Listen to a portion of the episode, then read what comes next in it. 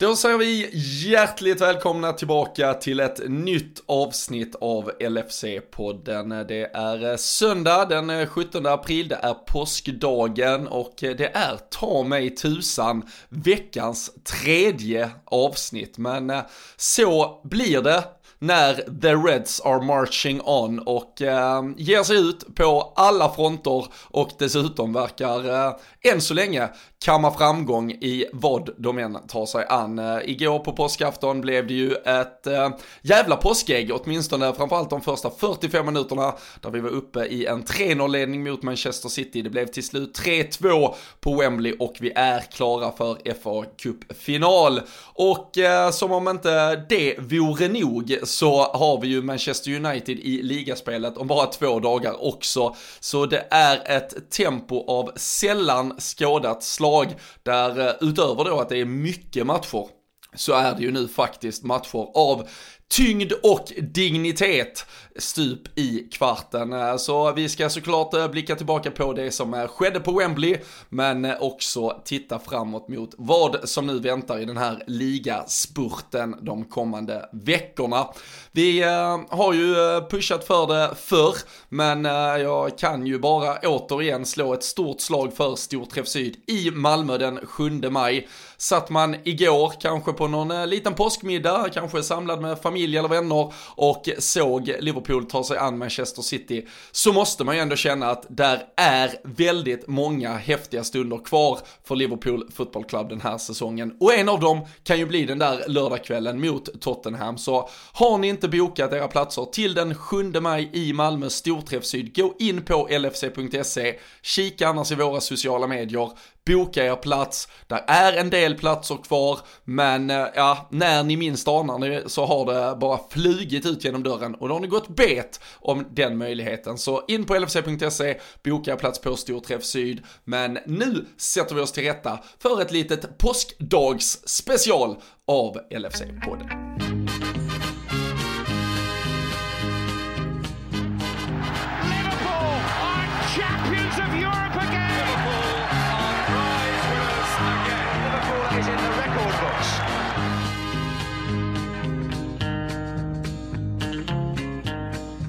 Jajamensan eh, Danne, det är ingen rast, ingen ro. Det gäller för eh, Jürgen Klopp, för Liverpool och för eh, dig och mig denna påskhelg. Det var bara 48 timmar sedan vi satt här senast. Jag vet inte, men det kan vara någon form av rekordtid mellan avsnitten och dessutom då att det är veckans tredje avsnitt. Det är, ja, det är leverans i Tiago-klass nästan från LFC-podden just nu.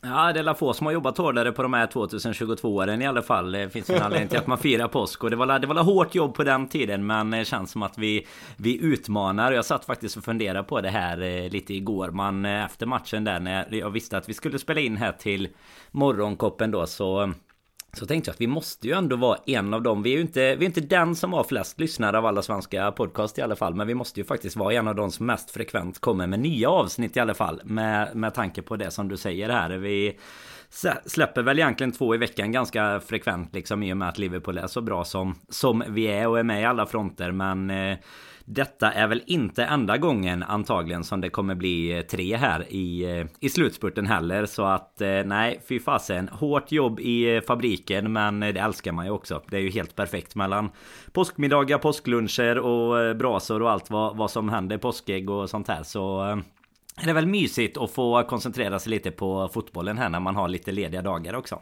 Ja, ja men verkligen. Och vi, vi, vi, vi har ju aldrig varit så, så noggranna i det där. Vi har ju dessutom säsongs... Får vi, får, får vi ta feedback så här efter tio års poddande? Att du tänker brutet räkenskapsår? ja, men ex, exakt. Vi hade ju kunnat ha en löpande räknare istället. Så jag vet inte om någon lyssnare orkar sätta sig som vi har dessutom använt olika plattformar. Först laddade vi upp dem direkt via lfc.se. Sen var det ju faktiskt så kul att det var fler än kanske då närmast sörjande som lyssnade i början. Så då, då pallar ju inte riktigt sajten ha podden liggandes där. Så då fick vi ju gå externt och, och använda alla de vanliga poddmedierna som, som finns. Jag vet inte om, om man ens kan hitta ett eh, kartotek över alla våra avsnitt. Men kan någon komma fram special, till... Det finns ju lite special ja, och sånt det, med. Du vet, ja, och där är Podme och, och Patreon och de där, får allt. Nog, de där får man nog fan grotta i. Då får man eh, ligga kvar på något konto där om de finns, eh, finns kvar på ja. Podme. Men det måste ju vara ett jag vet inte fasen vad det var 20-30-tal där också så nej det, det finns att ja, göra om man, är, om man har mycket ledig tid här i, i de sista påskdagarna.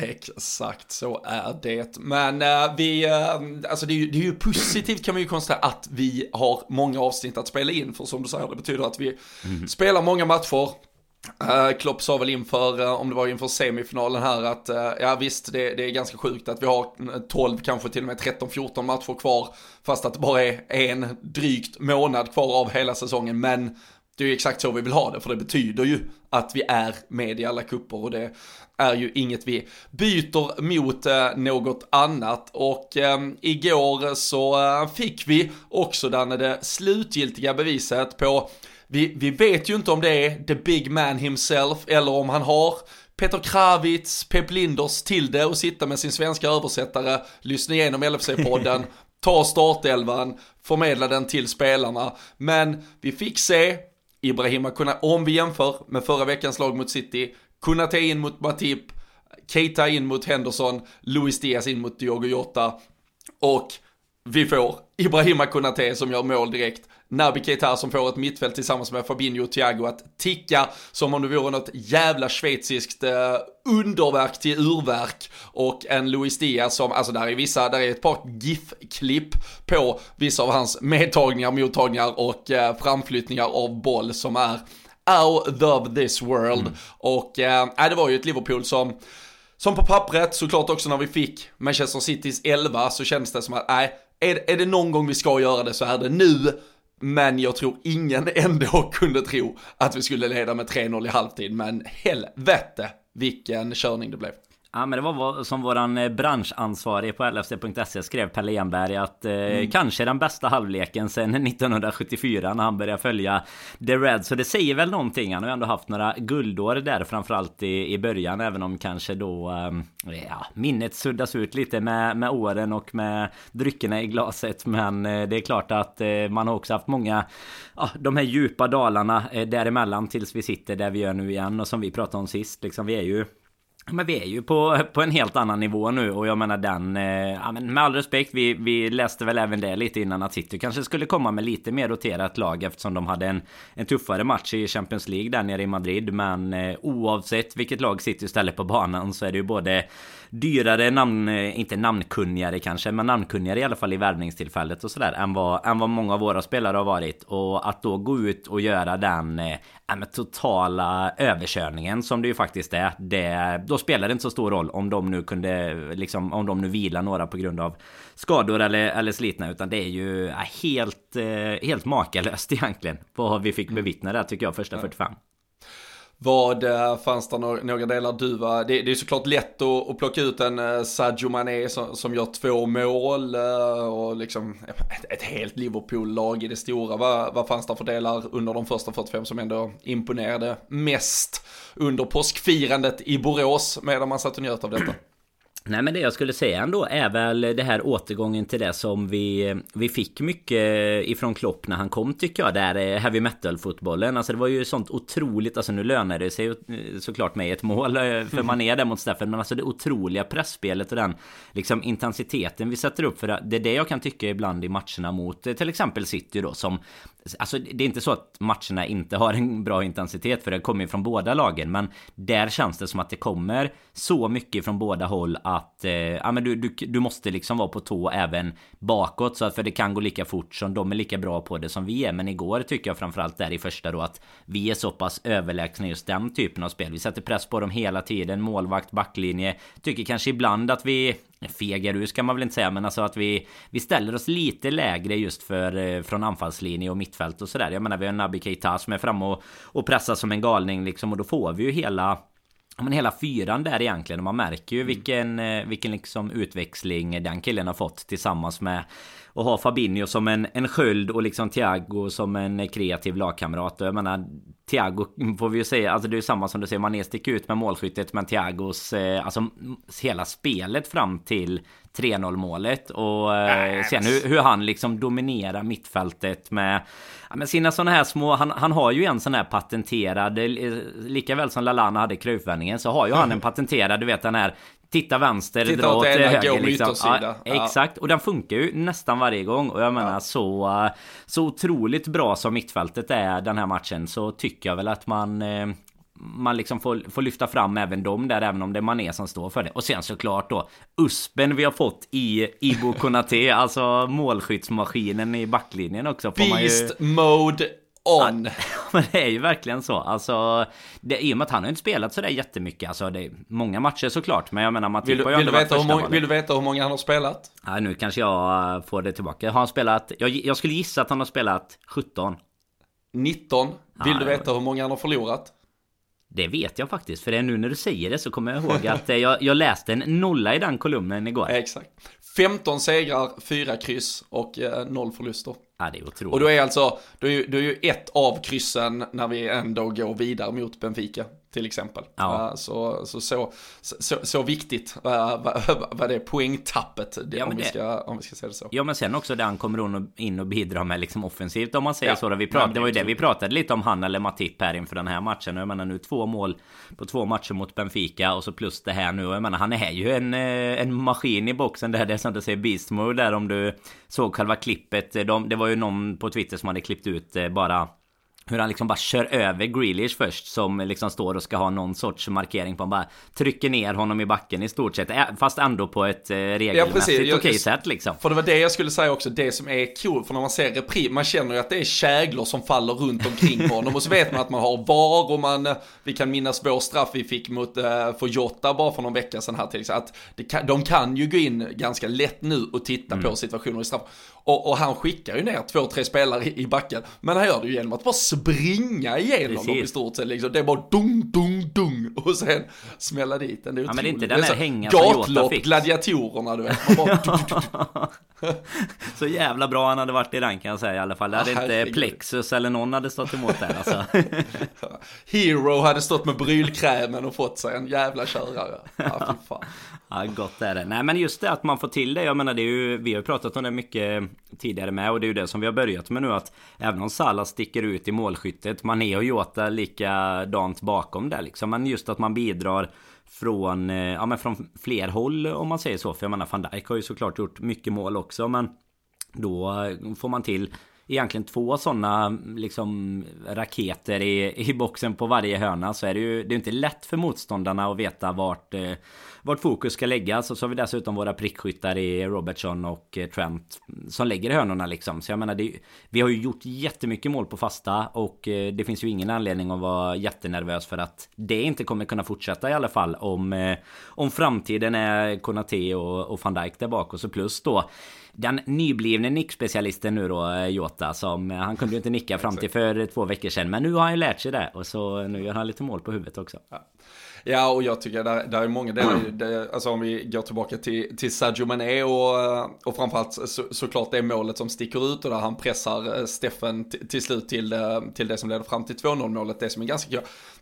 Han gjorde ju faktiskt ett, ett likadant mål i stort sett mot Brighton, där det dock blev avblåst för hand. Det var, det var ju korrekt, den studsade upp på handen och det är Ja. ju stenhårda regler, men just bara att aktionen ändå lyckades och sen var det väl det blev väl bortamatchen mot Chelsea förra året ganska tidigt på säsongen när han pressar Kepa Precis. till ett likadant eh, misstag som leder fram till det. Det betyder, alltså, att, alltså, därav ännu tydligare, det är ju ingen slump att han, att han råkar vara det, utan det är ju, det är ju väldigt be- bestämt att det här ska göras och Ja. ingen i världen gör det uppenbarligen bättre än Sadio Mané, så jag kan inte jag kan inte komma, jag kan knappt komma på en spelare som lyckats göra det en gång, men att de nästan har lyckats göra tre stycken eh, mål eller sådana här pressspel som har lett fram till mål på det sättet.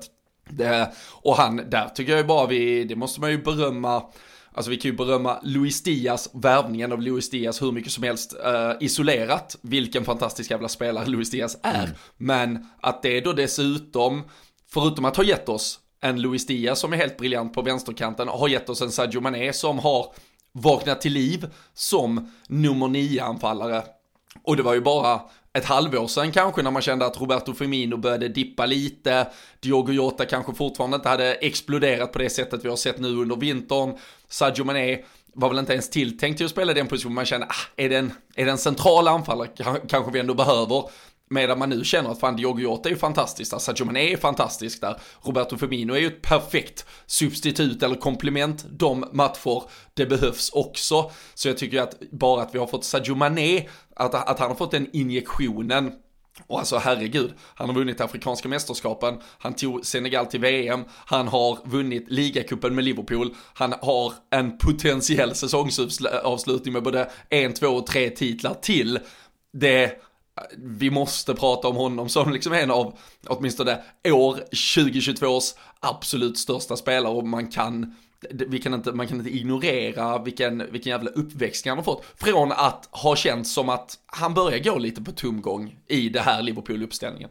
Jo, det har ju varit några säsonger på rad egentligen. Jag menar målmässigt den här säsongen så är han ju ändå med. Men då är ju Salah stuckit iväg så mycket att, eh, att det är ju de två man jämför sinsemellan egentligen. Och Sen är det väl så att, att just som du, du är inne på att han får den här utväxlingen i den nya, eller nygamla om man säger så, men positionen då. Det är ju Alltså för vårat lag gör det så mycket för att jag, jag kan inte se, alltså Firmino är ju mer det som vi pratade om sist inför City-matchen. Han är ju den med som han faller ju tillbaka och hittar luckan emellan mittfältet och anfallslinjen. Han kanske pressar defensiv mittfältare väldigt mycket. Men har du en mané längst fram som är ettrig som satan, alltså då, då pressar du liksom ytterligare ett steg upp. Precis som du är inne på. Alltså han pressar ju ner på målvakt, han pressar på mittbackar. Och det tycker jag ju att vi kanske med men med han, Salah och Diaz får kanske det mest eh, energiska tremannaanfallet vi kan ha i även försvarslinjen. För jag menar hur många gånger är inte Diaz nere och tar Robertsons plats i eh, igår också och i andra matcher eh, med liksom och, och bara när Robertson har varit uppe på något offensivt äventyr ser man bara att Diaz bara sätter fart neråt. Så det är ju, det är ju grovjobbare och finlirare i samma, samma kroppar de här gubbarna. Ja.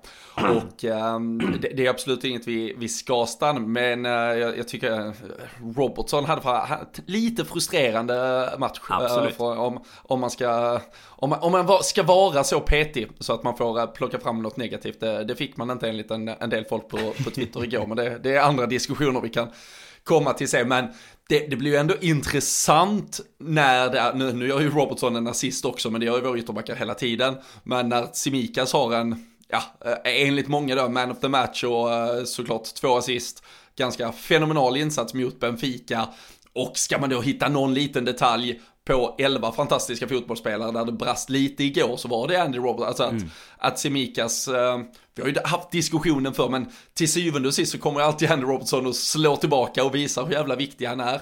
Men tro, tror du det finns någon öppning för att till och med någon av de, om vi säger avgörande matcherna under de här 10-12 som väntar resten av säsongen, att det kan bli Semikas eller det, det, den är stående och stängd vad som gäller där när vi ska välja vårt bästa lag ändå. Jag tror egentligen att den är stängd. Sen tror jag att kanske någon match där vi på förhand ser som lite mer favoriter på hemmaplan till exempel skulle kunna rotera lite. Eller om det, om det skulle vara lika, det är ju helt sjukt att säga, men om det skulle vara lika bra förutsättningar i en semifinal i Champions League som vi hade i kvartsfinalen så kanske man kan, kan se en start. Men då handlar det nästan lika mycket om att, att vila Robertson skulle jag säga. För jag, jag tycker också att många som eh, tycker att vi liksom, om vi, att vi sitter och fokuserar på typ Henderson eller Robertson att de gör sämre insatser. Tycker inte jag man ska ta det. Det är inte så att vi sitter och liksom försöker klanka ner på dem. Utan det man vill berätta egentligen det är ju att Alltså idag är ju våran trupp så jäkla bred. Vi gick igenom det inför City-matchen, jämförde med dem. Och då måste vi ändå ställa frågan eh, så som du gör nu egentligen. Ska Simika spela eller ska Robertson spela? Jag menar för Alltså ett par år sedan var ju inte det. Det fanns ju inte Det var ingen idé att sitta och diskutera. Utan då kunde man konstatera att okej okay, Mané hade en jävligt dålig match. Men det finns ju ingen annan som kan gå in och spela. Nej, så det är ju liksom då, Så det blir ändå Det är ju mer en diskussion kring det. Och det är ju samma med, med Henderson om man bara ska nämna det kort. Det är ju klart att Det är inte jättepositivt att eh, han kommer in och, och, det liksom håller på att fallera. Och man märker ju att energin på mittfältet går ner liksom. Lite felpassningar tyvärr igår med. Och det var väl det jag framförallt tyckte att Robertson hade problem med också. Mycket och konstiga, lite ytan bakom. Alltså det, det var det, ja, den, det, man alltid har, det man har pratat om, och som Trent, och där, där, är det lite så, eftersom Trent då är en offensiv och flärdig högerback så är det varje gång han brister lite defensivt, då får du lov att kommentera det hur mycket som helst. Det, mm. det har vi verkligen märkt. Men Andy Robertson, där, där, den, den, kritiken brukar han ju undgå, men igår var det ju tydligt, båda deras mål till exempel, och även ett par lite halvfarliga chanser kommer ifrån att de utnyttjar den ytan bakom honom och tar sig ja. runt på den kanten. Så, så det är väl bara fair and square att, ja men fan, där hade vi kunnat göra det lite, lite bättre. Det betyder ju inte att man sitter och känner att, åh oh, fy fan vilken pissematch det var på Wembley. Vi vann bara med 3-2. avgå. Avgå alla. Avgå alla. Nej men, Nej, men det är väl ja. Trump-debatten är väl också mycket sprungen ur att det är det här eh, bästa högerbacken i världen, bästa högerbacken i England och så tycker någon Chelsea att det är Rhys James och någon, någon sorglig United-kille tycker fortfarande att det är Bissaka liksom. Så att det är så här, där kommer väl det mycket att det, det, blir liksom en debatt så fort han blottas i eh, någon situation och det blir det inte riktigt på samma sätt på Robertson och det tror jag är för att man inte lyfter honom till, till skyarna på samma sätt. Alltså det, det gör man ju internt men inte liksom att man sitter och liksom argumenterar, eh, behöver sitta veckovis och argumentera för att han är en bra spelare. För att som du säger då, då koncentrerar sig Trent, eller folk bara på att Trent gör poäng och det är ju inte det en back ska göra enligt Enligt 4-4-2 modellen och Roy Hodgson liksom. Men den blev ju utsparkad av svenskkopplingen Ponne igår så att. Eh, nej. Ja, men det, det är väl lite det det kommer från så att... Eh, men jag tycker väl... Jag, jag tror, vad tror du själv där egentligen Simikas Robertsson? Tror du att det finns någon chans att, eh, att han skulle få chansen istället? Den gode greken? Nej, jag, jag, jag, tror inte det, det gör det nu. Uh, samtidigt så kan jag köpa lite de som, det, det, alltså argumentationen kring, nu har det ju ofta varit att han har fått roteras in i kanske då en uh, cupmatch eller eh, som när vi gör sju förändringar mot Benfica hemma här och ser vi till ja, ser vi till de som då var kvar i elvan så var det till och med då spelare som inte var kvar nu. Så, så han har ju faktiskt genomgående egentligen, förutom när Robertson har varit skadad och avstängd, så har han ju fått spela med alltid ett lite B-betonat lag. Mm. Så det, jag förstår frestelsen lite att se honom i exakt den elvan vi hade igår. Hur hade han gjort det med så mycket kvalitet runt sig? Men Alltså, det är, eh, Andrew Robertson kommer antagligen gå rakt in nu och ha fyra helt fantastiska matcher. Så det, är, alltså det är inget, men, men det, var, det var uppenbart att han kanske var den som slet mest mm. av de spelarna som startade matchen just igår. Och då blir det ju väldigt, ja men som du säger, det, det, det är ju sån jävla lyx egentligen att vi har 20-22 spelare i den här truppen som, som kan, beroende på lite motstånd, form uh, och, och så vidare, skadesituation, kan vara aktuella för en startelva. Då är det väl helt rimligt att ha den diskussionen och vi, vi ska inte fastna i Henderson, vi, vi ska avsluta det för jag vill inte, vill inte heller att vi maler det. Men, nej, men det, det är ju lite det som, de, väljer man att tolka det som att man bara står och slänger skit på, på vår lagkapten som har gett oss allt så tycker jag man har fel i, alltså då, då, tycker jag man har fel synsätt på utan vad, vad Jordan Henderson har gjort, det, det har ah, nog, nog ingen varit ty, alltså liksom, vi kan inte bli tydligare med hur fantastiskt det har varit, vilken utveckling. Han har varit en kapten som har lett Liverpool till de största framgångsåren någonsin. Med det är inte sagt att han per automatik måste vara det bästa alternativet mot Manchester City i viktiga fotbollsmatcher. Det kan vi väl ändå få någon annan spelare som vi tycker är bättre. Och, och det var ju det som var hela grejen. Det, det finns säkert matcher där Jordan Henderson kommer göra det jättebra. Han kommer starta fotbollsmatcher. Det är klart, han, han ska inte säljas, han ska inte försvinna. Jag satt här förra sommaren och argumenterade för att det var rätt att till och med antagligen betala ett överpris kontraktsmässigt för att få honom att stanna. För där finns ett, ett värde och något som Liverpool som fotbollsklubb har byggt genom genom spelare som Gerard, genom i kanske en lightform, en James Milner som vi kommer ha i en kulturbärare som Jordan Henderson i många år framåt. Men, men du måste ändå kunna tycka att när vi möter ett så otroligt spelskickligt lag som Manchester City så måste vi kontra med att själva kunna vara spelskickliga, ta oss ur situationer på ett mittfält och det är bättre lämpat för mm. Fabinho, Thiago och Keita att göra. Och det visar de igår. Det, jag tyckte det blev så tydligt då. När du, det, det är ju inte ofta du får två matcher. Det är lite som vi säger att Simikas eh, Robertson. Du får en som gör en fantastisk match och sen en som gör en lite svagare match. Och så kan du mäta dem lite mot varandra. Här får du ett mittfält som möter City förra veckan, ett mittfält som möter City denna. Ja, sen är det ett annat City, men det är fortfarande ett City lagmässigt som har samma spelmässiga idé i vad de vill göra. Och jag tyckte detta var ganska tydligt att detta blev bättre. Och just nu är både Thiago och Keita i fantastisk form. Så vad fan, ge dem chansen nu.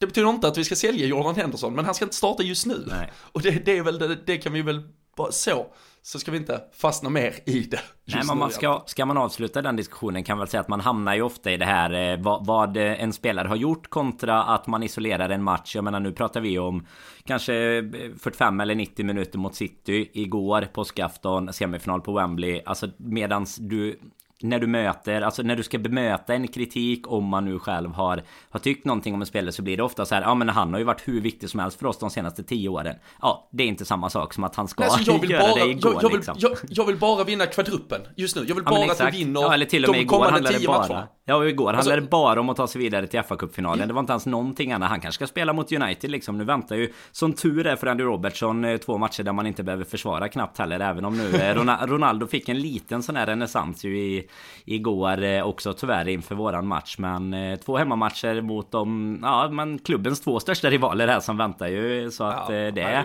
det får man väl, alltså det är så jävla sjuk månad detta. Alltså. alltså det, och det, och det, men det här, och det sjuka är, ve veckan som väntar nu, det är kanske ändå vår så här minst viktiga vecka. Den lugna veckan. och då har vi alltså United och Everton. Det är, ja. helt otroligt. Ja, och det är ju två Nej. lag som såklart tyvärr nu då när United vann. Nu spelar ju de lite för, eller nu, det är ju ingen som vill komma topp fyra detta året. Eller vi är ju tre som redan har bestämt oss och sen är det ett sista lag som, en plats som ingen vill ta. Men vi får ju ge, den fjärdeplatsen får vi ju ge till Villarreal efter att vi har slått ut dem istället. det känns väl rimligt. Ja, jag, jag är på. Jag, ja. jag, jag, jag tar det. Nej men alltså ja, alltså det, det, känns ju helt eh, otroligt. Både vad Arsenal och Spurs eh, håller på med liksom och förlorar hemma mot Brighton. Och nu är det ju, väntar ju Brighton för City här också lite längre fram. Men eh, det, det är ju just, nu kämpar United om det och Everton ju faktiskt som kämpar för sin överlevnad. Även om de fick lite andrum med, med tanke på att de slog United. Och att ingen av de andra där nere verkar vilja ta några poäng. Men det är ju två matcher där vi går in som Alltså solklara favoriter större än vad vi typ någonsin har gjort mot eh, mot de två motstånden skulle jag nästan säga. Ja, det var, det var, det var starka stunder på, eh, på påskmiddagen igår när eh, jag, jag och pappa satt och, och följde Liverpool såklart på, på, på stor-tvn och det var, det var 3-0 Liverpool och det var klang och jubel mot ett Manchester City som ändå liksom ska vara en av de stora drakarna i världen och så satt, satt svågern och kollade United på, på telefonen eh, och man hör honom bara stöna. Nej, det är 2-2, Teemu det det, Och jag minns så väl, liksom för tio år sedan har jag suttit i samma jävla soffa och, och varit, då var det omvända roller. Då var det liksom, då var det vi som såg oss förlora hemma mot West Bromwich och så, och så slog, slogs hans jävla United om ligaguld liksom. Det, ja.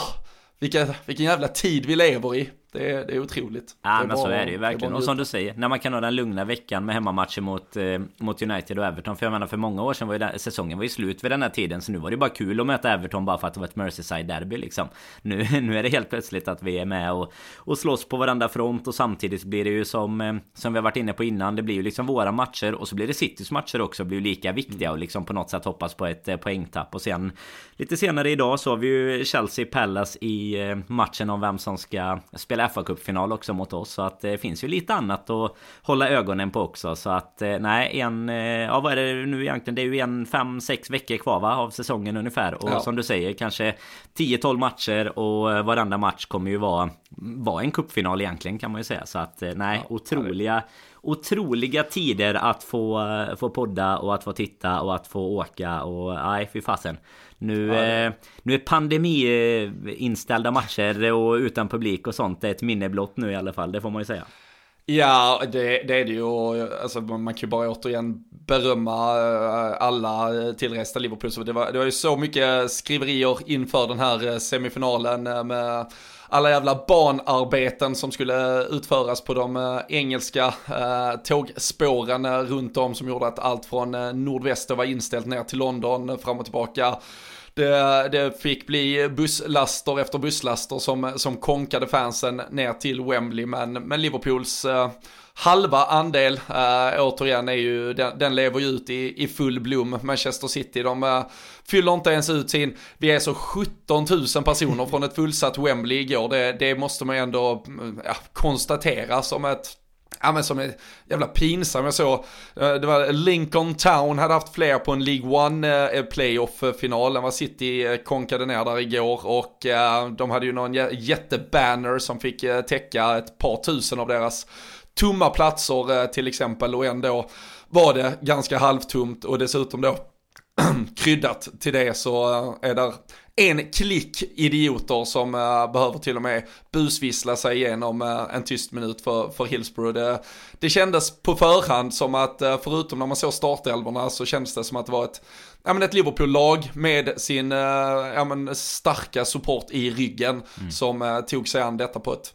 på ett helt annat sätt. Och, och där kan man ju jag, jag, jag, tycker ändå det blir ganska tydligt. Vi, vi har pratat, alltså Manchester City över en 38 omgångars Premier League-säsong. Vi såg ingen skillnad på hur de spelar fotboll med tomma läktare under en pandemi. Man kan raljera kring just supporterskapet. Jag tycker inte det är riktigt det det handlar om. Det handlar om att deras spelare, deras klubb är byggd på ett maskineri mm. av, om vi säger fotbollskunskap snarare än på, på allt det där andra, den där extra procenten av passion mellan läktare och spelare. Vi pratar om Atletico Madrids eh, DNA lite som, som är någonting, åtminstone i den vågskålen, men som, som kanske är lite mer bananas än det som Liverpool bygger ihop alla aspekter inkluderat. Men när man kliver ut, och det är väl kanske det, nu kanske de lyckas i år City, fan vet jag, men det är kanske det som inte har tagit dem till en Champions League-triumf, till exempel, för då, behöver du de kvällarna, du behöver mm. de dagarna, du behöver uppbyggnaden av flera veckor där det bubblar och kokar i staden och runt dig, för att kanske samla den kraften. Men eh, så det, nej det var eh, det var Liverpool från start till mål igår och äh, ganska häftigt att säga, så jag hittade ganska tidigt på morgonen igår, äh, lite parentes i sammanhanget, men en, en tweet om jag får, eftersom just alla skulle åka buss ner istället, mm. då var det ju massa så här, äh, ja men gas station stops längs vägen, så då började en tråd på så här, vad kan vi samla ihop? Vi kör bingo nu, vi ska samla ihop saker så här. Då var det så här, en hel sån hand sanitizer station, det var liksom, det var ju det två meter stor, en sån jävla portabel, Men där man skulle tvätta händerna innan man gick in på bensinmacken. Här. Vad kan vi stjäla ihop här nu? Där var ju allt i, i den tråden, det var vägkoner och vägskyltar och man kan ju tycka vad man vill om det, jag tycker det är ganska harmlöst eh, trots allt och mest bara väldigt roligt banter. Jag tror alla som har åkt i en, i en buss till en bortaresa vet att eh, där behövs några, några små hyss i alla fall för att överleva typ 5-6 eh, timmar enkel väg om man ska stå ut. Nej men så är det ju. Sen ska man ju, det var ju enklaste spåkulan någonsin att City inte skulle sälja ut. Det hade ju vi scoutat upp redan i förrgår där. Det, vi, vi la inga odds på det som tur var för att eh, då hade vi varit ruinerade idag så mycket spel som hade kommit in. Men eh, det är ju eh, som du säger, alltså det, jag tycker så här också. City var ju i final i Champions League förra året. De mötte Chelsea, det blev förlust. Och, men grejen är att det du inte heller får av, ehm, av det här att du inte har kanske samma connection. Jag menar nu eh, sitter väl säkert några City-supportrar som tur är och kanske inte lyssnar på oss. Men om någon skulle få det urklippt så, så kanske de tycker att vi har fel. Men jag menar just att få den här kopplingen. Du får de här klassiska kvällarna som som vi har liksom på ett annat sätt. Du har vändningen liksom mot eh, Barcelona. Alltså den typen. Jag menar det är klart att ett Etihad hade kanske kokat upp lite om, om det hade hänt något liknande. Men jag tror inte heller att du riktigt får det på samma sätt utan att verkligen ha den typen av koppling. Och men det är bara att kolla på Klopp igår. Han sa ju det efter presskonferensen. Han, han hade ju inte gått ut och gjort några fistbumps mot Liverpools halva och så sa Milner på vägen ut typ det är klart du, du måste göra det liksom. Och så springer han bak och så det, det är ju liksom. Det finns ju verkligen en harmoni mellan allt ifrån liksom Klopp och spelare och fans och det, det, det, det finns liksom inte det här eh, när avståndet, även om det såklart är ett enormt avstånd. Det är inte så att Salah går ut och, och high-fivar allihopa utanför Anfield varje, direkt efter varje match liksom. Men det känns inte som att det är det här långa avståndet. Och som du är inne på, om du jämför då med City eller om du jämför med ett, kanske ett eh, ja, men PSG eller de här klubbarna som verkligen är byggda för, eh, ja men i, kanske ganska snabbt för framgång i framförallt Champions League och, och sina ligor och så. Så är det ju någonstans kanske problemet att du du får liksom ett sånt du, lite som du sa det, du kallar det liksom att det är en maskinprodukt ungefär och det blir ju verkligen så. Då, då får du kanske ingen skillnad på att du är med eller inte. För jag menar, vi ser ju det ännu mer på ett Liverpool som kanske inte presterade lika bra med tomma läktare. Jag menar, då ser du det mer på oss. För på mm. dem ser du samma sak hela tiden. Det spelar ingen roll om det är ett, ett fullsatt Wembley eller en Champions League-final. Alltså vi spelar på det här sättet. Medan vi liksom, vi märker ju hur påverkade många av våra spelare blir av att eh, kanske ha stödet med sig. Och jag menar att få ner Alltså mycket folk, det, det är ju inte så att vi inte trodde att eh, våran eh, halva skulle vara, vara slutsåld och att det skulle vara bra stämning. Men sen när du får liksom den starten på matchen så, så gungar ju hela jävla Wembley där eh, ett tag alltså. Fy fasen vilken ja, alltså, häftig match ja, och... att uppleva på plats också. Ja, och det är ju därför det blir, alltså vi, vi bygger ju på det momentumet, alltså det är ju Verkligen. ganska tydligt, alltså förra, nu är det ju inte exakt på minuten, men, men mot, mot City, eh, på, på Etihad så är det ju City som gör 1-0, men man kan inte riktigt förvalta det, de körde egentligen över oss, men mm. de förvaltar ju inte det momentumet, medan vi gör, gör då um, vår första halvlek till det. Och där är det ju samma, hade det inte varit en halvtidspaus utan matchen bara hade fortlöpt, då, då tror jag snarare det hade kunnat bli 5-0 ja. till Liverpool. Men det är ju klart att när du sen går in i paus, du inser okej okay, vi har 3-0 upp, det är bara 45 minuter kvar säga vad man vill och hur man än skulle påstå att man har eh, tagit sig an den andra halvleken efteråt. Det är klart att det smyger sig in någon eftertänksamhet i att ah, jag kanske ska ta det lite mer safe denna gången, jag kanske ska spela den bollen där istället. Vi, vi går inte för 4-0 bara, vi har 3-0, bla bla bla. De får också in ett snabbt 3-1 mål som såklart sätter lite spöken i, i huvudena på oss. Och och där kan jag ju säga, alltså det är ju att möta ett det är lite som, som vi pratade om när vi möter ett Benfica, som, de kan ju bara kasta allt framåt i slutet ja. på, på matchen eh, i veckan. Och, och City kan ju lite göra samma sak här. Så de, nu var det ju ganska märkligt och det, det får ju Pep svara på varför de inte gör fler byten, varför de inte ändrar om mer, men uppenbarligen var det kanske så illa fysiskt. Jag vet inte varför de ens showade med att uh, Kevin De Bruyne satt ju och eh, tejpade upp sig redan i 22 minuten eller någonting och, och man skulle bli lite rädd att han skulle komma in. Men så om det var att det blev både 2-0 och 3-0 och att uh, allting rann iväg för dem och de kände att äh, då, då ger vi detta laget en chans eller att, att det inte fanns faktiskt fysiskt kapabla spelare att kliva in. Men att, att det sen kommer något mål, att det kommer en press ja, det är väl faktiskt fullt rimligt mot ett, återigen då, så här spelskickligt lag. Så, så det tycker jag inte heller är konstigt. Men vi eh, konstaterar att Liverpool är klara för fa kuppfinal Som du sa här i förbifarten så är det då mot antingen Chelsea eller Crystal Palace. Det avgörs ju idag söndag så får vi se vad som väntar den 14 maj på Wembley. Och det betyder också att vi har en match mot Southampton borta som skulle ha spelats den helgen som då eh, puttas in i eh, en midweek där, eh, högst troligt i alla fall. Och eh, så avslutar vi sen mot Wolverhampton hemma. Så är Southampton borta, Wolverhampton hemma de två sista Premier League-matcherna. Och där har City Wolves borta och Villa hemma. Det känns väl som att det är den veckan, kanske Danne, som till slut avgör allting. Det Läge för Stevie G att snöra på sig skorna där känns det som att ta ut sig själv tillsammans med Coutinho.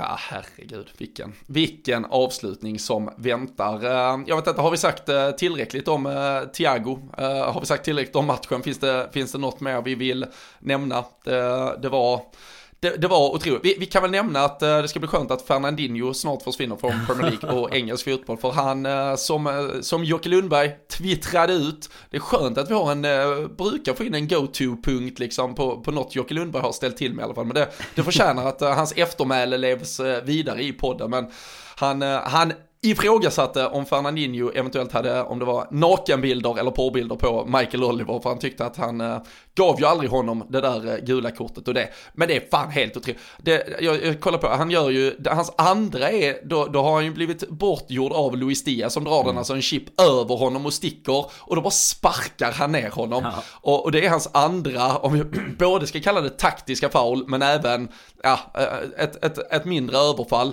Och hans då tredje, fjärde som han väl gör, det är ju den här satsningen som är, det är ju minst ett orange kort på Sadio Mané, ja. men det är alltså läget där han får sitt första gula, medan då Fabinho får gult kort för att Gabriel Jesus sparkar på honom och sen slänger sig. Det är. Eh, Jag gillar ju Michael Oliver och där finns ju inget mer egentligen större i matchen. Men den här jävla sjukdomen de engelska domarna har, att inte kunna varna Fernandinho, det är, eh, det är fan helt sinnessjukt egentligen. Nej men det var ju otroligt. Det är ju två stycken solklara gula han eh, har första i alla fall. Och sen som du säger om det nu är tredje eller fjärde tacklingen när han, när han väl får det gula så är ju den... Eh, Ja det, det, är väl kanske så här, det, det, är ju minst orange som du säger. Sen tycker jag kanske inte att det är solklart det är rött just jag på den heller. Nej, För den, han drar ändå tillbaka fötterna liksom. Men, men eh, satsningen, när du ser den, då tyckte man fan att det var rött. när man liksom ser, han kommer ju verkligen glidande in från motsatt håll och bara klipper totalt. Men eh, det skulle han ju redan haft ett gult, eller två redan. Men ja. jag menar då, och då blir det ju också, det är det som jag tycker blir problemet i, i förlängningen blir det ju så att han är ju ändå med, alltså, alltså då när de är 11 man så kan ju de jag menar, nu blir det inte så lång tid som, vi, som tur är För jag tror att vi hade haft tufft om det här målet hade kommit till 80 istället för 90 Men då Det blir ju en slutforcering Som kanske inte hade kunnat Det, hade inte kunnat hända med 10 man liksom. Så att där, Det är ju där man tappar lite liksom hoppet. Det är ju inte just att det är bara att det är Fernandinho Men han är ju Han har ju en eh, otrolig förmåga att slippa undan korten. Så att eh, det är nog Det är nog Finns ett litet eh, galleri där på telefon eller ja, dator ja, och, och jag, jag, jag minns ju från om det är det nyårsdagen när City möter Arsenal hemma och, eh, eller om det är borta, skit samma den här där de till slut avgör i typ 92 minuten. Ja, ja och, det, och det är ju Rodri som gör vinstmålet och det är exakt en likadan match ja. där han, han tar fram fem sådana taktiska gula som är helt, och vi ser ju Sadio Mané får ju då för sin eftersläng när han bara gör en ja. gång sen bara plockar ner Fernandinho för att han är lite lack på honom så här, ah, då ska du fan inte få starta ett anfall heller. Så gör han bara en liten taktisk fuling och då rycker han på det gula direkt för att nej du ska fan inte tro du är något liksom. Men äh, man, äh, man hade velat ha ett sånt jävla diplomatpass där på mittfältet så man fick springa runt och göra vad man ville. Men äh, till syvende och sist så var det ju ändå Fabinho som jag tyckte också man såg att eh, och, och, om Fernandinho nu har uh, sett som en av de absolut bästa defensiva mittfältarna i Premier League kanske de ja, nästan senaste tio åren så, så märkte man ju ändå att han inte, han höll inte den fotbollsmässiga klassen den här matchen. Det var, det var vårt mittfält och Fabinho tillsammans med de två andra, där jag tycker man också måste poängtera för det, det, är ju ofta, återigen det som blir diskussion lite, vilken typ av spelare man ska vara. Alltså Naby Keita, jag tycker hans försvarsspel, hans sätt att sätta in en andra press, eh, du var inne lite på, han kan ju gå upp i vi spelar nästan en 4-2-4 när han ja. kliver upp i, i pressspelet offensivt. Men även sen i återerövrandet när de har spelat förbi. Alltså Bernardo Silva, man ser ju knappt honom den här matchen och det är ju en spelare som annars brukar kunna gnugga sig igenom jävligt bra mot oss. För vi vet han är ju både en hårt jobbande och spelskicklig mittfältare. Men eh, Naby Keita har ju han har ju full kontroll på allt som sker i hans område den här matchen. Och eh, ja, ska, ja, kan inte berömmas nog egentligen för, för både arbetet off och def så att säga den här matchen tycker jag. Nej men det är också en sån, det är ju en grej som har tillkommit i hans spel tycker jag. För jag menar visst han har haft supermycket problem med skador och det, det tar ju tar ju sin udd av, eh, av kanske att kunna hålla sin toppform hela tiden. Men problemet tycker jag i kanske i starten av hans Liverpool-karriär det var ju att han var Han var ju spelskicklig offensivt liksom men, men han tog ju inte riktigt det här jobbet upplevde jag ofta Hade han varit på en offensiv aktion då såg man honom ofta lugn dunka tillbaka lite och sådär. Och Då var det ju det man blev förbannad på istället. Jag menar just att få in Ja, om att du har fått in att egentligen hela den här gruppen gemensamt jobbar som Alltså riktiga blodiglar liksom på allt som, som händer. Det är ju det som eh, har gett oss Alltså utan att alltid behöva vara det här heavy metal pressintensiva offensiven liksom så, så är det ju någonstans det som ändå ger oss eh, ja men egentligen framgångarna tycker jag. För jag menar vi har och sen plus då att man har det här sista spelskickliga jag menar vi får in en Dia som ser ut som att han har spelat i, tillsammans med alla andra i tio år liksom. Och som du säger det finns ju diverse klipp från igår när han eh, lite klackar och tar sig förbi och alltså det är ju en,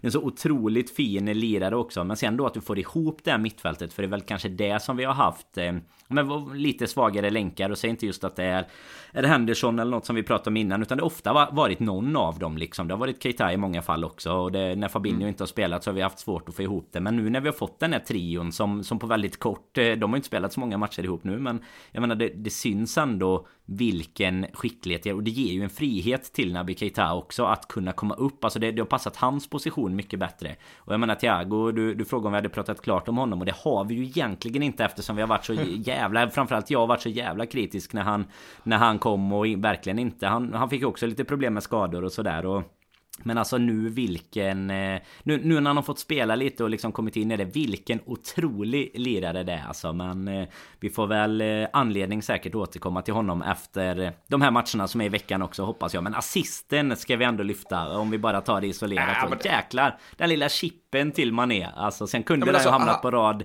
732 också på Wembley Men just när det blir mål Alltså jävlar vad snyggt det är Ja, men han, han tar ju motlägget typ först med en yttersida. Sen slår han ju passningen till, är det Trentwell, med en yttersida. Ja. Får tillbaka den med en yttersida. Slår den med en yttersida. Sadio Mané skjuter in den med en yttersida. Alltså också det är, alltså, det... alltså att det verkligen, det är ju inte, ja. det är inte så att det är fel, alltså att han får en felträff. Utan det är ju en liten chip ja, han, vet, han, han behöver, liksom, han behöver liksom. chipböja den lite så här runt över backen för att den ska landa på foten på Mané. Och det, nej det, nej, det, jag vet inte. Det, det, det är så, otroligt det, är det.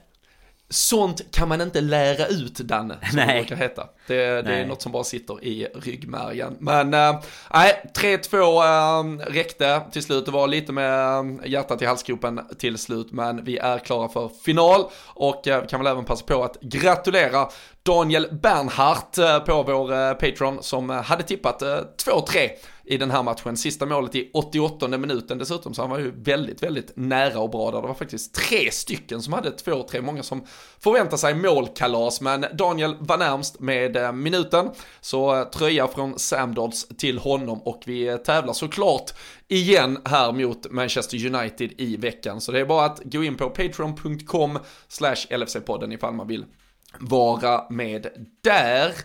Vi eh, har som sagt Anne, United redan på tisdag. Du, eh, du nämnde också tidigare här att eh, det är City mot Brighton på onsdag.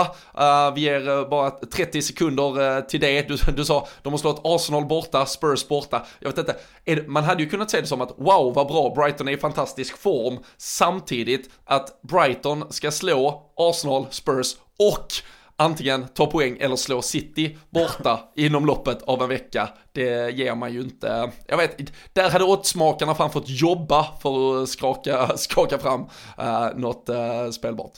Ja men innan, jag tror att innan typ eh, Arsenal-matchen där så har de väl ett eller två mål på typ sju matcher och de förlorar väl fem eller sex eh, av dem liksom och bara spelar massa oavgjort innan. De hade typ inte vunnit sen i början på året och sen så Så går de ju och slår Arsenal borta, ett Arsenal som dessutom var i ganska Ganska fin form liksom. Trossard gör ju ett mål där Trossard avgör ju mot eh, Spurs igår där i, i slutet. Så att eh, nej det är väl Förhoppningen om att de har lite form. Men sen är väl problemet emellanåt också att nu har ju de verkligen cementerat sin plats i mitten av tabellen. Och eh, det är inte liksom borta mot City. De förväntar sig att de ska ta sina poäng. Så lite som du är inne på så Kanske det smyger in sig ett visst eh, mått av eh, Ja men liksom eh, bekvämlighet, nöje Alltså att man ändå Sen är det klart att de kommer göra sitt för det men det, det är väl inget jag kommer sätta alldeles för mycket hopp till just den här matchen tror jag att City kommer att, att ta. Och framförallt nu kanske med Med tanke på vad som, att de åker ut här så kommer de lite som vi har gjort någon gång när man har haft något nederlag och bara Kommer tillbaka och vinner med något så här 4-0 eller någonting. De är ju ofta Mm. ganska naiva Brighton, tyvärr. Det straffar Ja, sig nej, mot vi- City Vi får se, det kommer att uh, utspelas eh, 24 timmar efter att vi ändå har um, antingen satt press på City eller så har vi ju eh, verkligen uh, serverat upp den för dem att uh, smasha hem ifall vi inte skulle göra jobbet mot United. Det var ju som sagt samtidigt uh, ungefär som vi besegrade ett City-lag med 3-2 så besegrade United ett annat City-lag med 3-2. Det var Norwich City, sämst i ligan, typ genom tiderna känns det som. Men, eh, och det behövdes eh, tre mål av eh, Cristiano Ronaldo. Det kan ju sannerligen debatteras om han har varit problemet för Manchester United den här säsongen, men det är ganska uppenbart när man tittar i listorna över vem som faktiskt har producerat och vilka som faktiskt gav dem de avgörande målen för att ens ta sig vidare från ett Champions League-gruppspel, för att faktiskt ha gett dem ett par viktiga ligavinster. Så är det ändå oftast eh, till slut portugisens namn som dyker upp Danne. Vi har ju den där 5-0 från Old Trafford att gå på. Noterade i mitt flöde att vi då startade Jordan Henderson och James Milner på mittfältet. Den du, kanske är deras tur igen. Men eh, det var ju annars en match som eh, såklart hängdes upp väldigt mycket kring Mohamed Salah. Naby Keita också briljant på mittfältet den matchen ska jag säga. Vi saknade ju faktiskt både Fabinho och Thiago den gången. Sadio Mané på bänken dessutom. Men eh, vad tycker du att vi ska välja för lag här? Och är det någon förändring från senast som du känner taktiskt kan göra det bättre. Sen finns ju alltid lite fysiska eh, aspekter att såklart ta hänsyn till. Nu, nu är det ju snabbt på det igen här. Innan vi sen spelar vi ju faktiskt tisdag och sen söndag mot Everton. Så ska man göra något byte för att få in lite friska ben så är det kanske nu i så fall. Ja men samtidigt tycker jag nog att vi ska starta ganska så likt fast eh, hellre göra något byte om man nu känner att man Att man har råd att göra det i matchen Men jag vet inte det är väl eh, Den eventuella Ett av de eventuella frågetecknen är väl alltid Konate eller Matip eh, kan Tycka att eh, Konate är fysiskt mot en eh, Ronaldo till exempel och, och lite med fart och sådär alltså kanske kan Han vara bra spelar ju på Old Trafford, ska, Ja. kan vi ju minnas Jajamän. också. Sen tycker jag däremot då ibland att Matip kanske är lite mer liksom positionssäker och jag tror att vi kanske kan få ut lite mer av det som du och jag pratade om sist här inför City-matchen. Vi inte får ut så mycket där, alltså hans bolltransporter egentligen. Det tror jag att vi skulle kunna få ut lite mer av mot ett eh, United. Och, och sen är det väl egentligen, alltså jag tycker att samma tremanna mittfält, jag menar vi har ju vi eh, byter ju ut egentligen både eh, Thiago och eh, Keita i eh, Igår är inte Thiago går väl ut i slut. Det är väl han som går ut mot Jones. Så att det är inte, det är inte mycket vila han får de tre minuterna eller vad det kan ha varit Jones var inne. Men, eh, men det är ändå så här alltså vi, Jag tycker ändå att vi ska om, om det går starta med samma och sen är det väl eh, Liksom det här fronttrion då om man om Jota ska spela för att någon behöver eh, vila lite fysiskt sen skulle jag gärna se det här. Jag skulle gärna, alltså med, med tanke på matchen igår skulle jag gärna se det här tremananfallet med samma etterhet mot Lindelöf, mot Maguire. Alltså ja, det, det kommer ju bli åka av i så fall. Alltså, så mycket kan vi, ja. kan vi fan garantera. Och jag tycker man är att spela till sig den. Han ska få spela i mitten en match till i alla fall. Eh, innan han eh, behöver gå tillbaka till sin eh, trötta gamla position på vänsterkanten. Ja, nej, inte, vad, vad, tycker du själv annars med, alltså är det någon som du tycker är så given att man ska, ska titta på och byta ja, men, ut? Nej men jag, jag, tror väl man gör, tittar vi på, nu spelar vi ju onsdag mot uh, Benfica, så det är, det är, ju onsdag, lördag, tisdag. Uh, det, det, är ju så tight. Du kan, du kan få det egentligen. Och då, då tror jag ju kanske inte att särskilt många spelare spelar alla de matcherna. Och Kunate är ju den som har spelat båda uh, här och då Alltså det är ju en otrolig lyx att vi då med tre, egentligen jätteviktiga matcher inom loppet av sex dagar så kan vi rotera så att varje mittback bara spelar två av tre matcher där med Matip, Konate och van Dijk. Uh, van Dijk som vilade första. Och jag tror väl därför kanske att eh, uh, Konate vilar denna. Jag, jag förväntar ju också ett United som som ändå sitter ganska lågt. Vi kommer att vara alltså, eh, spelstyrande eh, väldigt mycket mer. Och Matip är ju väldigt duktig i den rollen med, med att driva fram bollen och, och kliva på. Och lite beroende på vad United ställer upp med så kommer det att finnas luckor på det mittfältet kan jag tänka mig. Ehm, får för han till och med att ta, ta de där älgakliven. Och ähm, jag tror väl man faktiskt eh, slänger in Matip här. Så det är väl ett byte jag tror sker. Ehm, och sen där annars så så hade jag inte gjort på förhand någon förändring alls. Ehm, det, det, kommer ett eh, derby eh, sen på söndag där eh, säkerligen då Jordan Henderson kommer gå in. Det är ju faktiskt, ska vi berömma, det är nog hans absolut bästa match den här säsongen. Det var ju på mm. Goodison Park i alla fall. Så det, det är ju klart att det finns no, någon sån där derby adrenalinkick som kickar in i en viss typ av spelare och det, det, det ska jag absolut ha med sig. Men jag tycker att vi, förutom Matip in mot Konate, Sen kan jag tänka mig att Diogo Jota kanske ändå går in på något sätt i uh, offensiven. Vem, hur, vad. Samtidigt, Roberto Firmino spelade på Old Trafford, var helt briljant. Alltså, är det något som Harry Maguire och hans mittbackskollegor inte gillar så är det ju lite osäkerhet framför dem. Om de ska kliva fram, inte vad ska de göra där och ha Firmino liggande i den fickan för att sen peta in den till någon som sticker in bakom.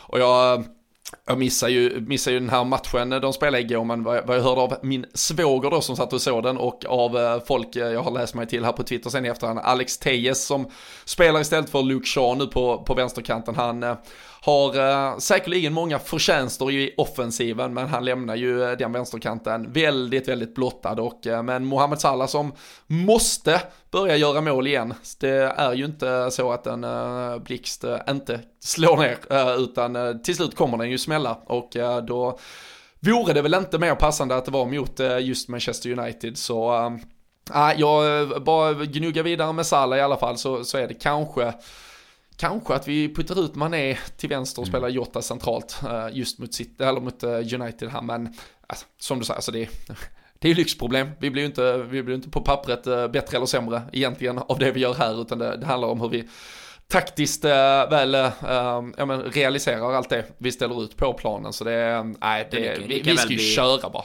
Ja. Jag och Jota skulle lika väl kunna gå in på, på liksom Dias plats rakt av eller på ja. Manés gamla plats då så spelar Mané mitten så det är det som är lyxen är med alla de här spelarna att de kan ju verkligen rotera runt där fram och eh, Alltså det, det, finns ju vi, vi drar ju oftast inte för mycket fantasy-kopplingar här Men det finns ju ett visst lag i Borås som har satt binden på Salla Trots lite dubbla matcher och sånt Så det är Känslan är att eh, återkomsten i protokollet kommer här till eh, tisdag, tisdagskvällen Fin, finns också en tränare till det där Borås Fantasy-laget som äh, agerade lite assisterande coach till mig inför mina val denna helgen och sa att äh, Ronaldo, skit i honom. Tackar man för. Det, det, det, är väl ändå så att eh, man, eh, man ska aldrig sitta med tre United. Det är väl den eh, gamla, den gamla klyschan. det, det, är fan en gammal djungellag, vi, så vi måste, är det, så det. Vi måste passa på att säga det med förresten för våra, våra patrons. Ju de som är i våran Patreon-cup där. Eller det är ju, vi har ju en Patreon-liga och nu har det ju faktiskt även om någon har missat det dragit igång en Patreon-cup denna veckan. Så att känner man liksom att man verkligen har hamnat efter det så kan det vara väl värt. Det är inte så många omgångar kvar var väl värt att gå in och, och kika lite där för att ja, kunna ta med sig något pris hem också för säsongen. Hur usel man än har varit så här långt faktiskt. Där, ja, får man en för, liten Går man för eh, dubben. Går man för ja. dubben som vanligt. Ja, det, jag, jag har gett upp ligan, jag är mer av en cuptränare känns det som. Allt handlar om att undvika nedflyttning för dig i ligaspelet just nu. Det är, det är bra.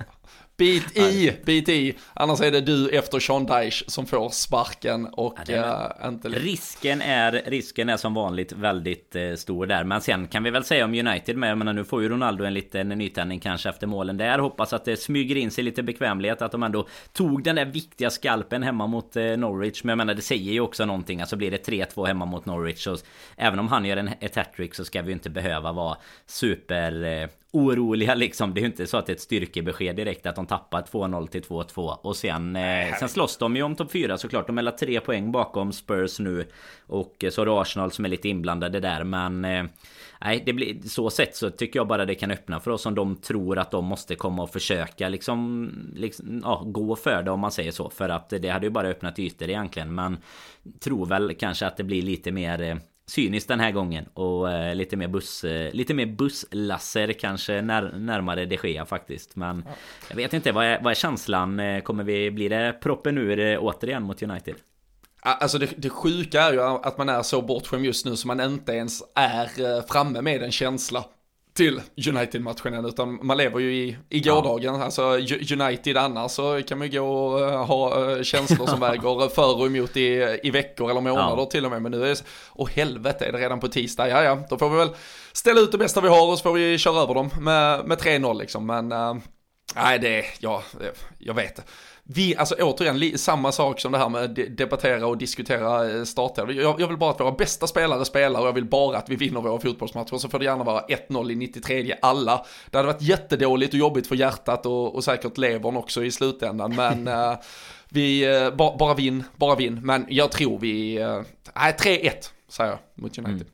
Då har vi i alla fall en... Eh, då, då hade vi skapat oss en eh, tvåpoängslucka innan Potter ska in och göra jobbet på Etihad. Det hade varit eh, härligt. Det är ju det som du säger. Det handlar ju bara om att vinna. Spelar egentligen ingen roll hur men... Ja, min känsla är väl att vi kommer att och göra det relativt. Alltså 3-1 är bra, jag skulle kunna rygga den faktiskt för det känns ja, som det, att det... För det, har gått, det har gått dåligt när du tagit egna initiativ, så häng på här nu. Ja, Hoppa ner men eh, det Hoppa. verkar som spåkulan visar andra saker nu. Det är publiksiffror på, på Wembley och sånt istället som glider upp nu och kan säga att det kommer vara, det kommer vara bra tryck på Anfield tisdag kväll eh, för ligan i alla fall. Det kommer rulla kloppsånger och, och allt möjligt så att eh, resultatet det ryggar vi bara dig rakt av istället. Ja, gör så. Och eh, ni andra kan ju antingen eh, rygga 3-1 men eh, tänka till riktigt jävla skarpt vad gäller sista minut. Och eh, målskytt eh, så lägger ni det tippet inne på patreon.com slash LFC-podden eller så tänker ni till ur er eh, egna lilla box och trollar fram ett resultat vad ni tror vi eh, förhoppningsvis i alla fall besegrar Manchester United med på tisdag. Är man med oss inne på patreon.com slash LFC-podden så kan man Eh, varje matchdag vara med och tävla om eh, schyssta produkter från Sam Dodds eh, och ni har ju redan hört, som vi har sagt, det återstår faktiskt ganska många matcher fast att det bara är några veckor kvar av säsongen. Så joina gärna där och har ni inte redan bokat er plats på Storträff Syd i Malmö den 7 maj så se till att göra det nu också. Jag kan väl säga att om eh, Liverpool gör jobbet mot Manchester United och Brighton skulle flaxa till mot Manchester City, ja då kommer det nog vara lapp på luckan. Man kan inte vänta på att det serveras sådana otroliga möjligheter, utan nu gäller det att fan tro på det här Liverpool-laget. Var med in i kaklet så eh, har vi kul tillsammans, vi njuter av stunden, enjoy the ride och bara festa på in i den här säsongsavslutningen. Så boka er plats på eh, O'Larrys i Malmö, Malmö. Vi eh, har Storträff Syd den 7 maj alltså och ni kan boka via lfc.se eller så plockar ni upp infon via våra sociala medier så ses vi där och har en fantastisk kväll tillsammans. Men nu avslutar vi eh, påsken här. Vi ska alldeles strax se vilka vi får möta i den där FA Cup-finalen om en dryg månad och eh, ja, men så önskar vi er en skön avslutning på helgen och så hörs vi snart igen.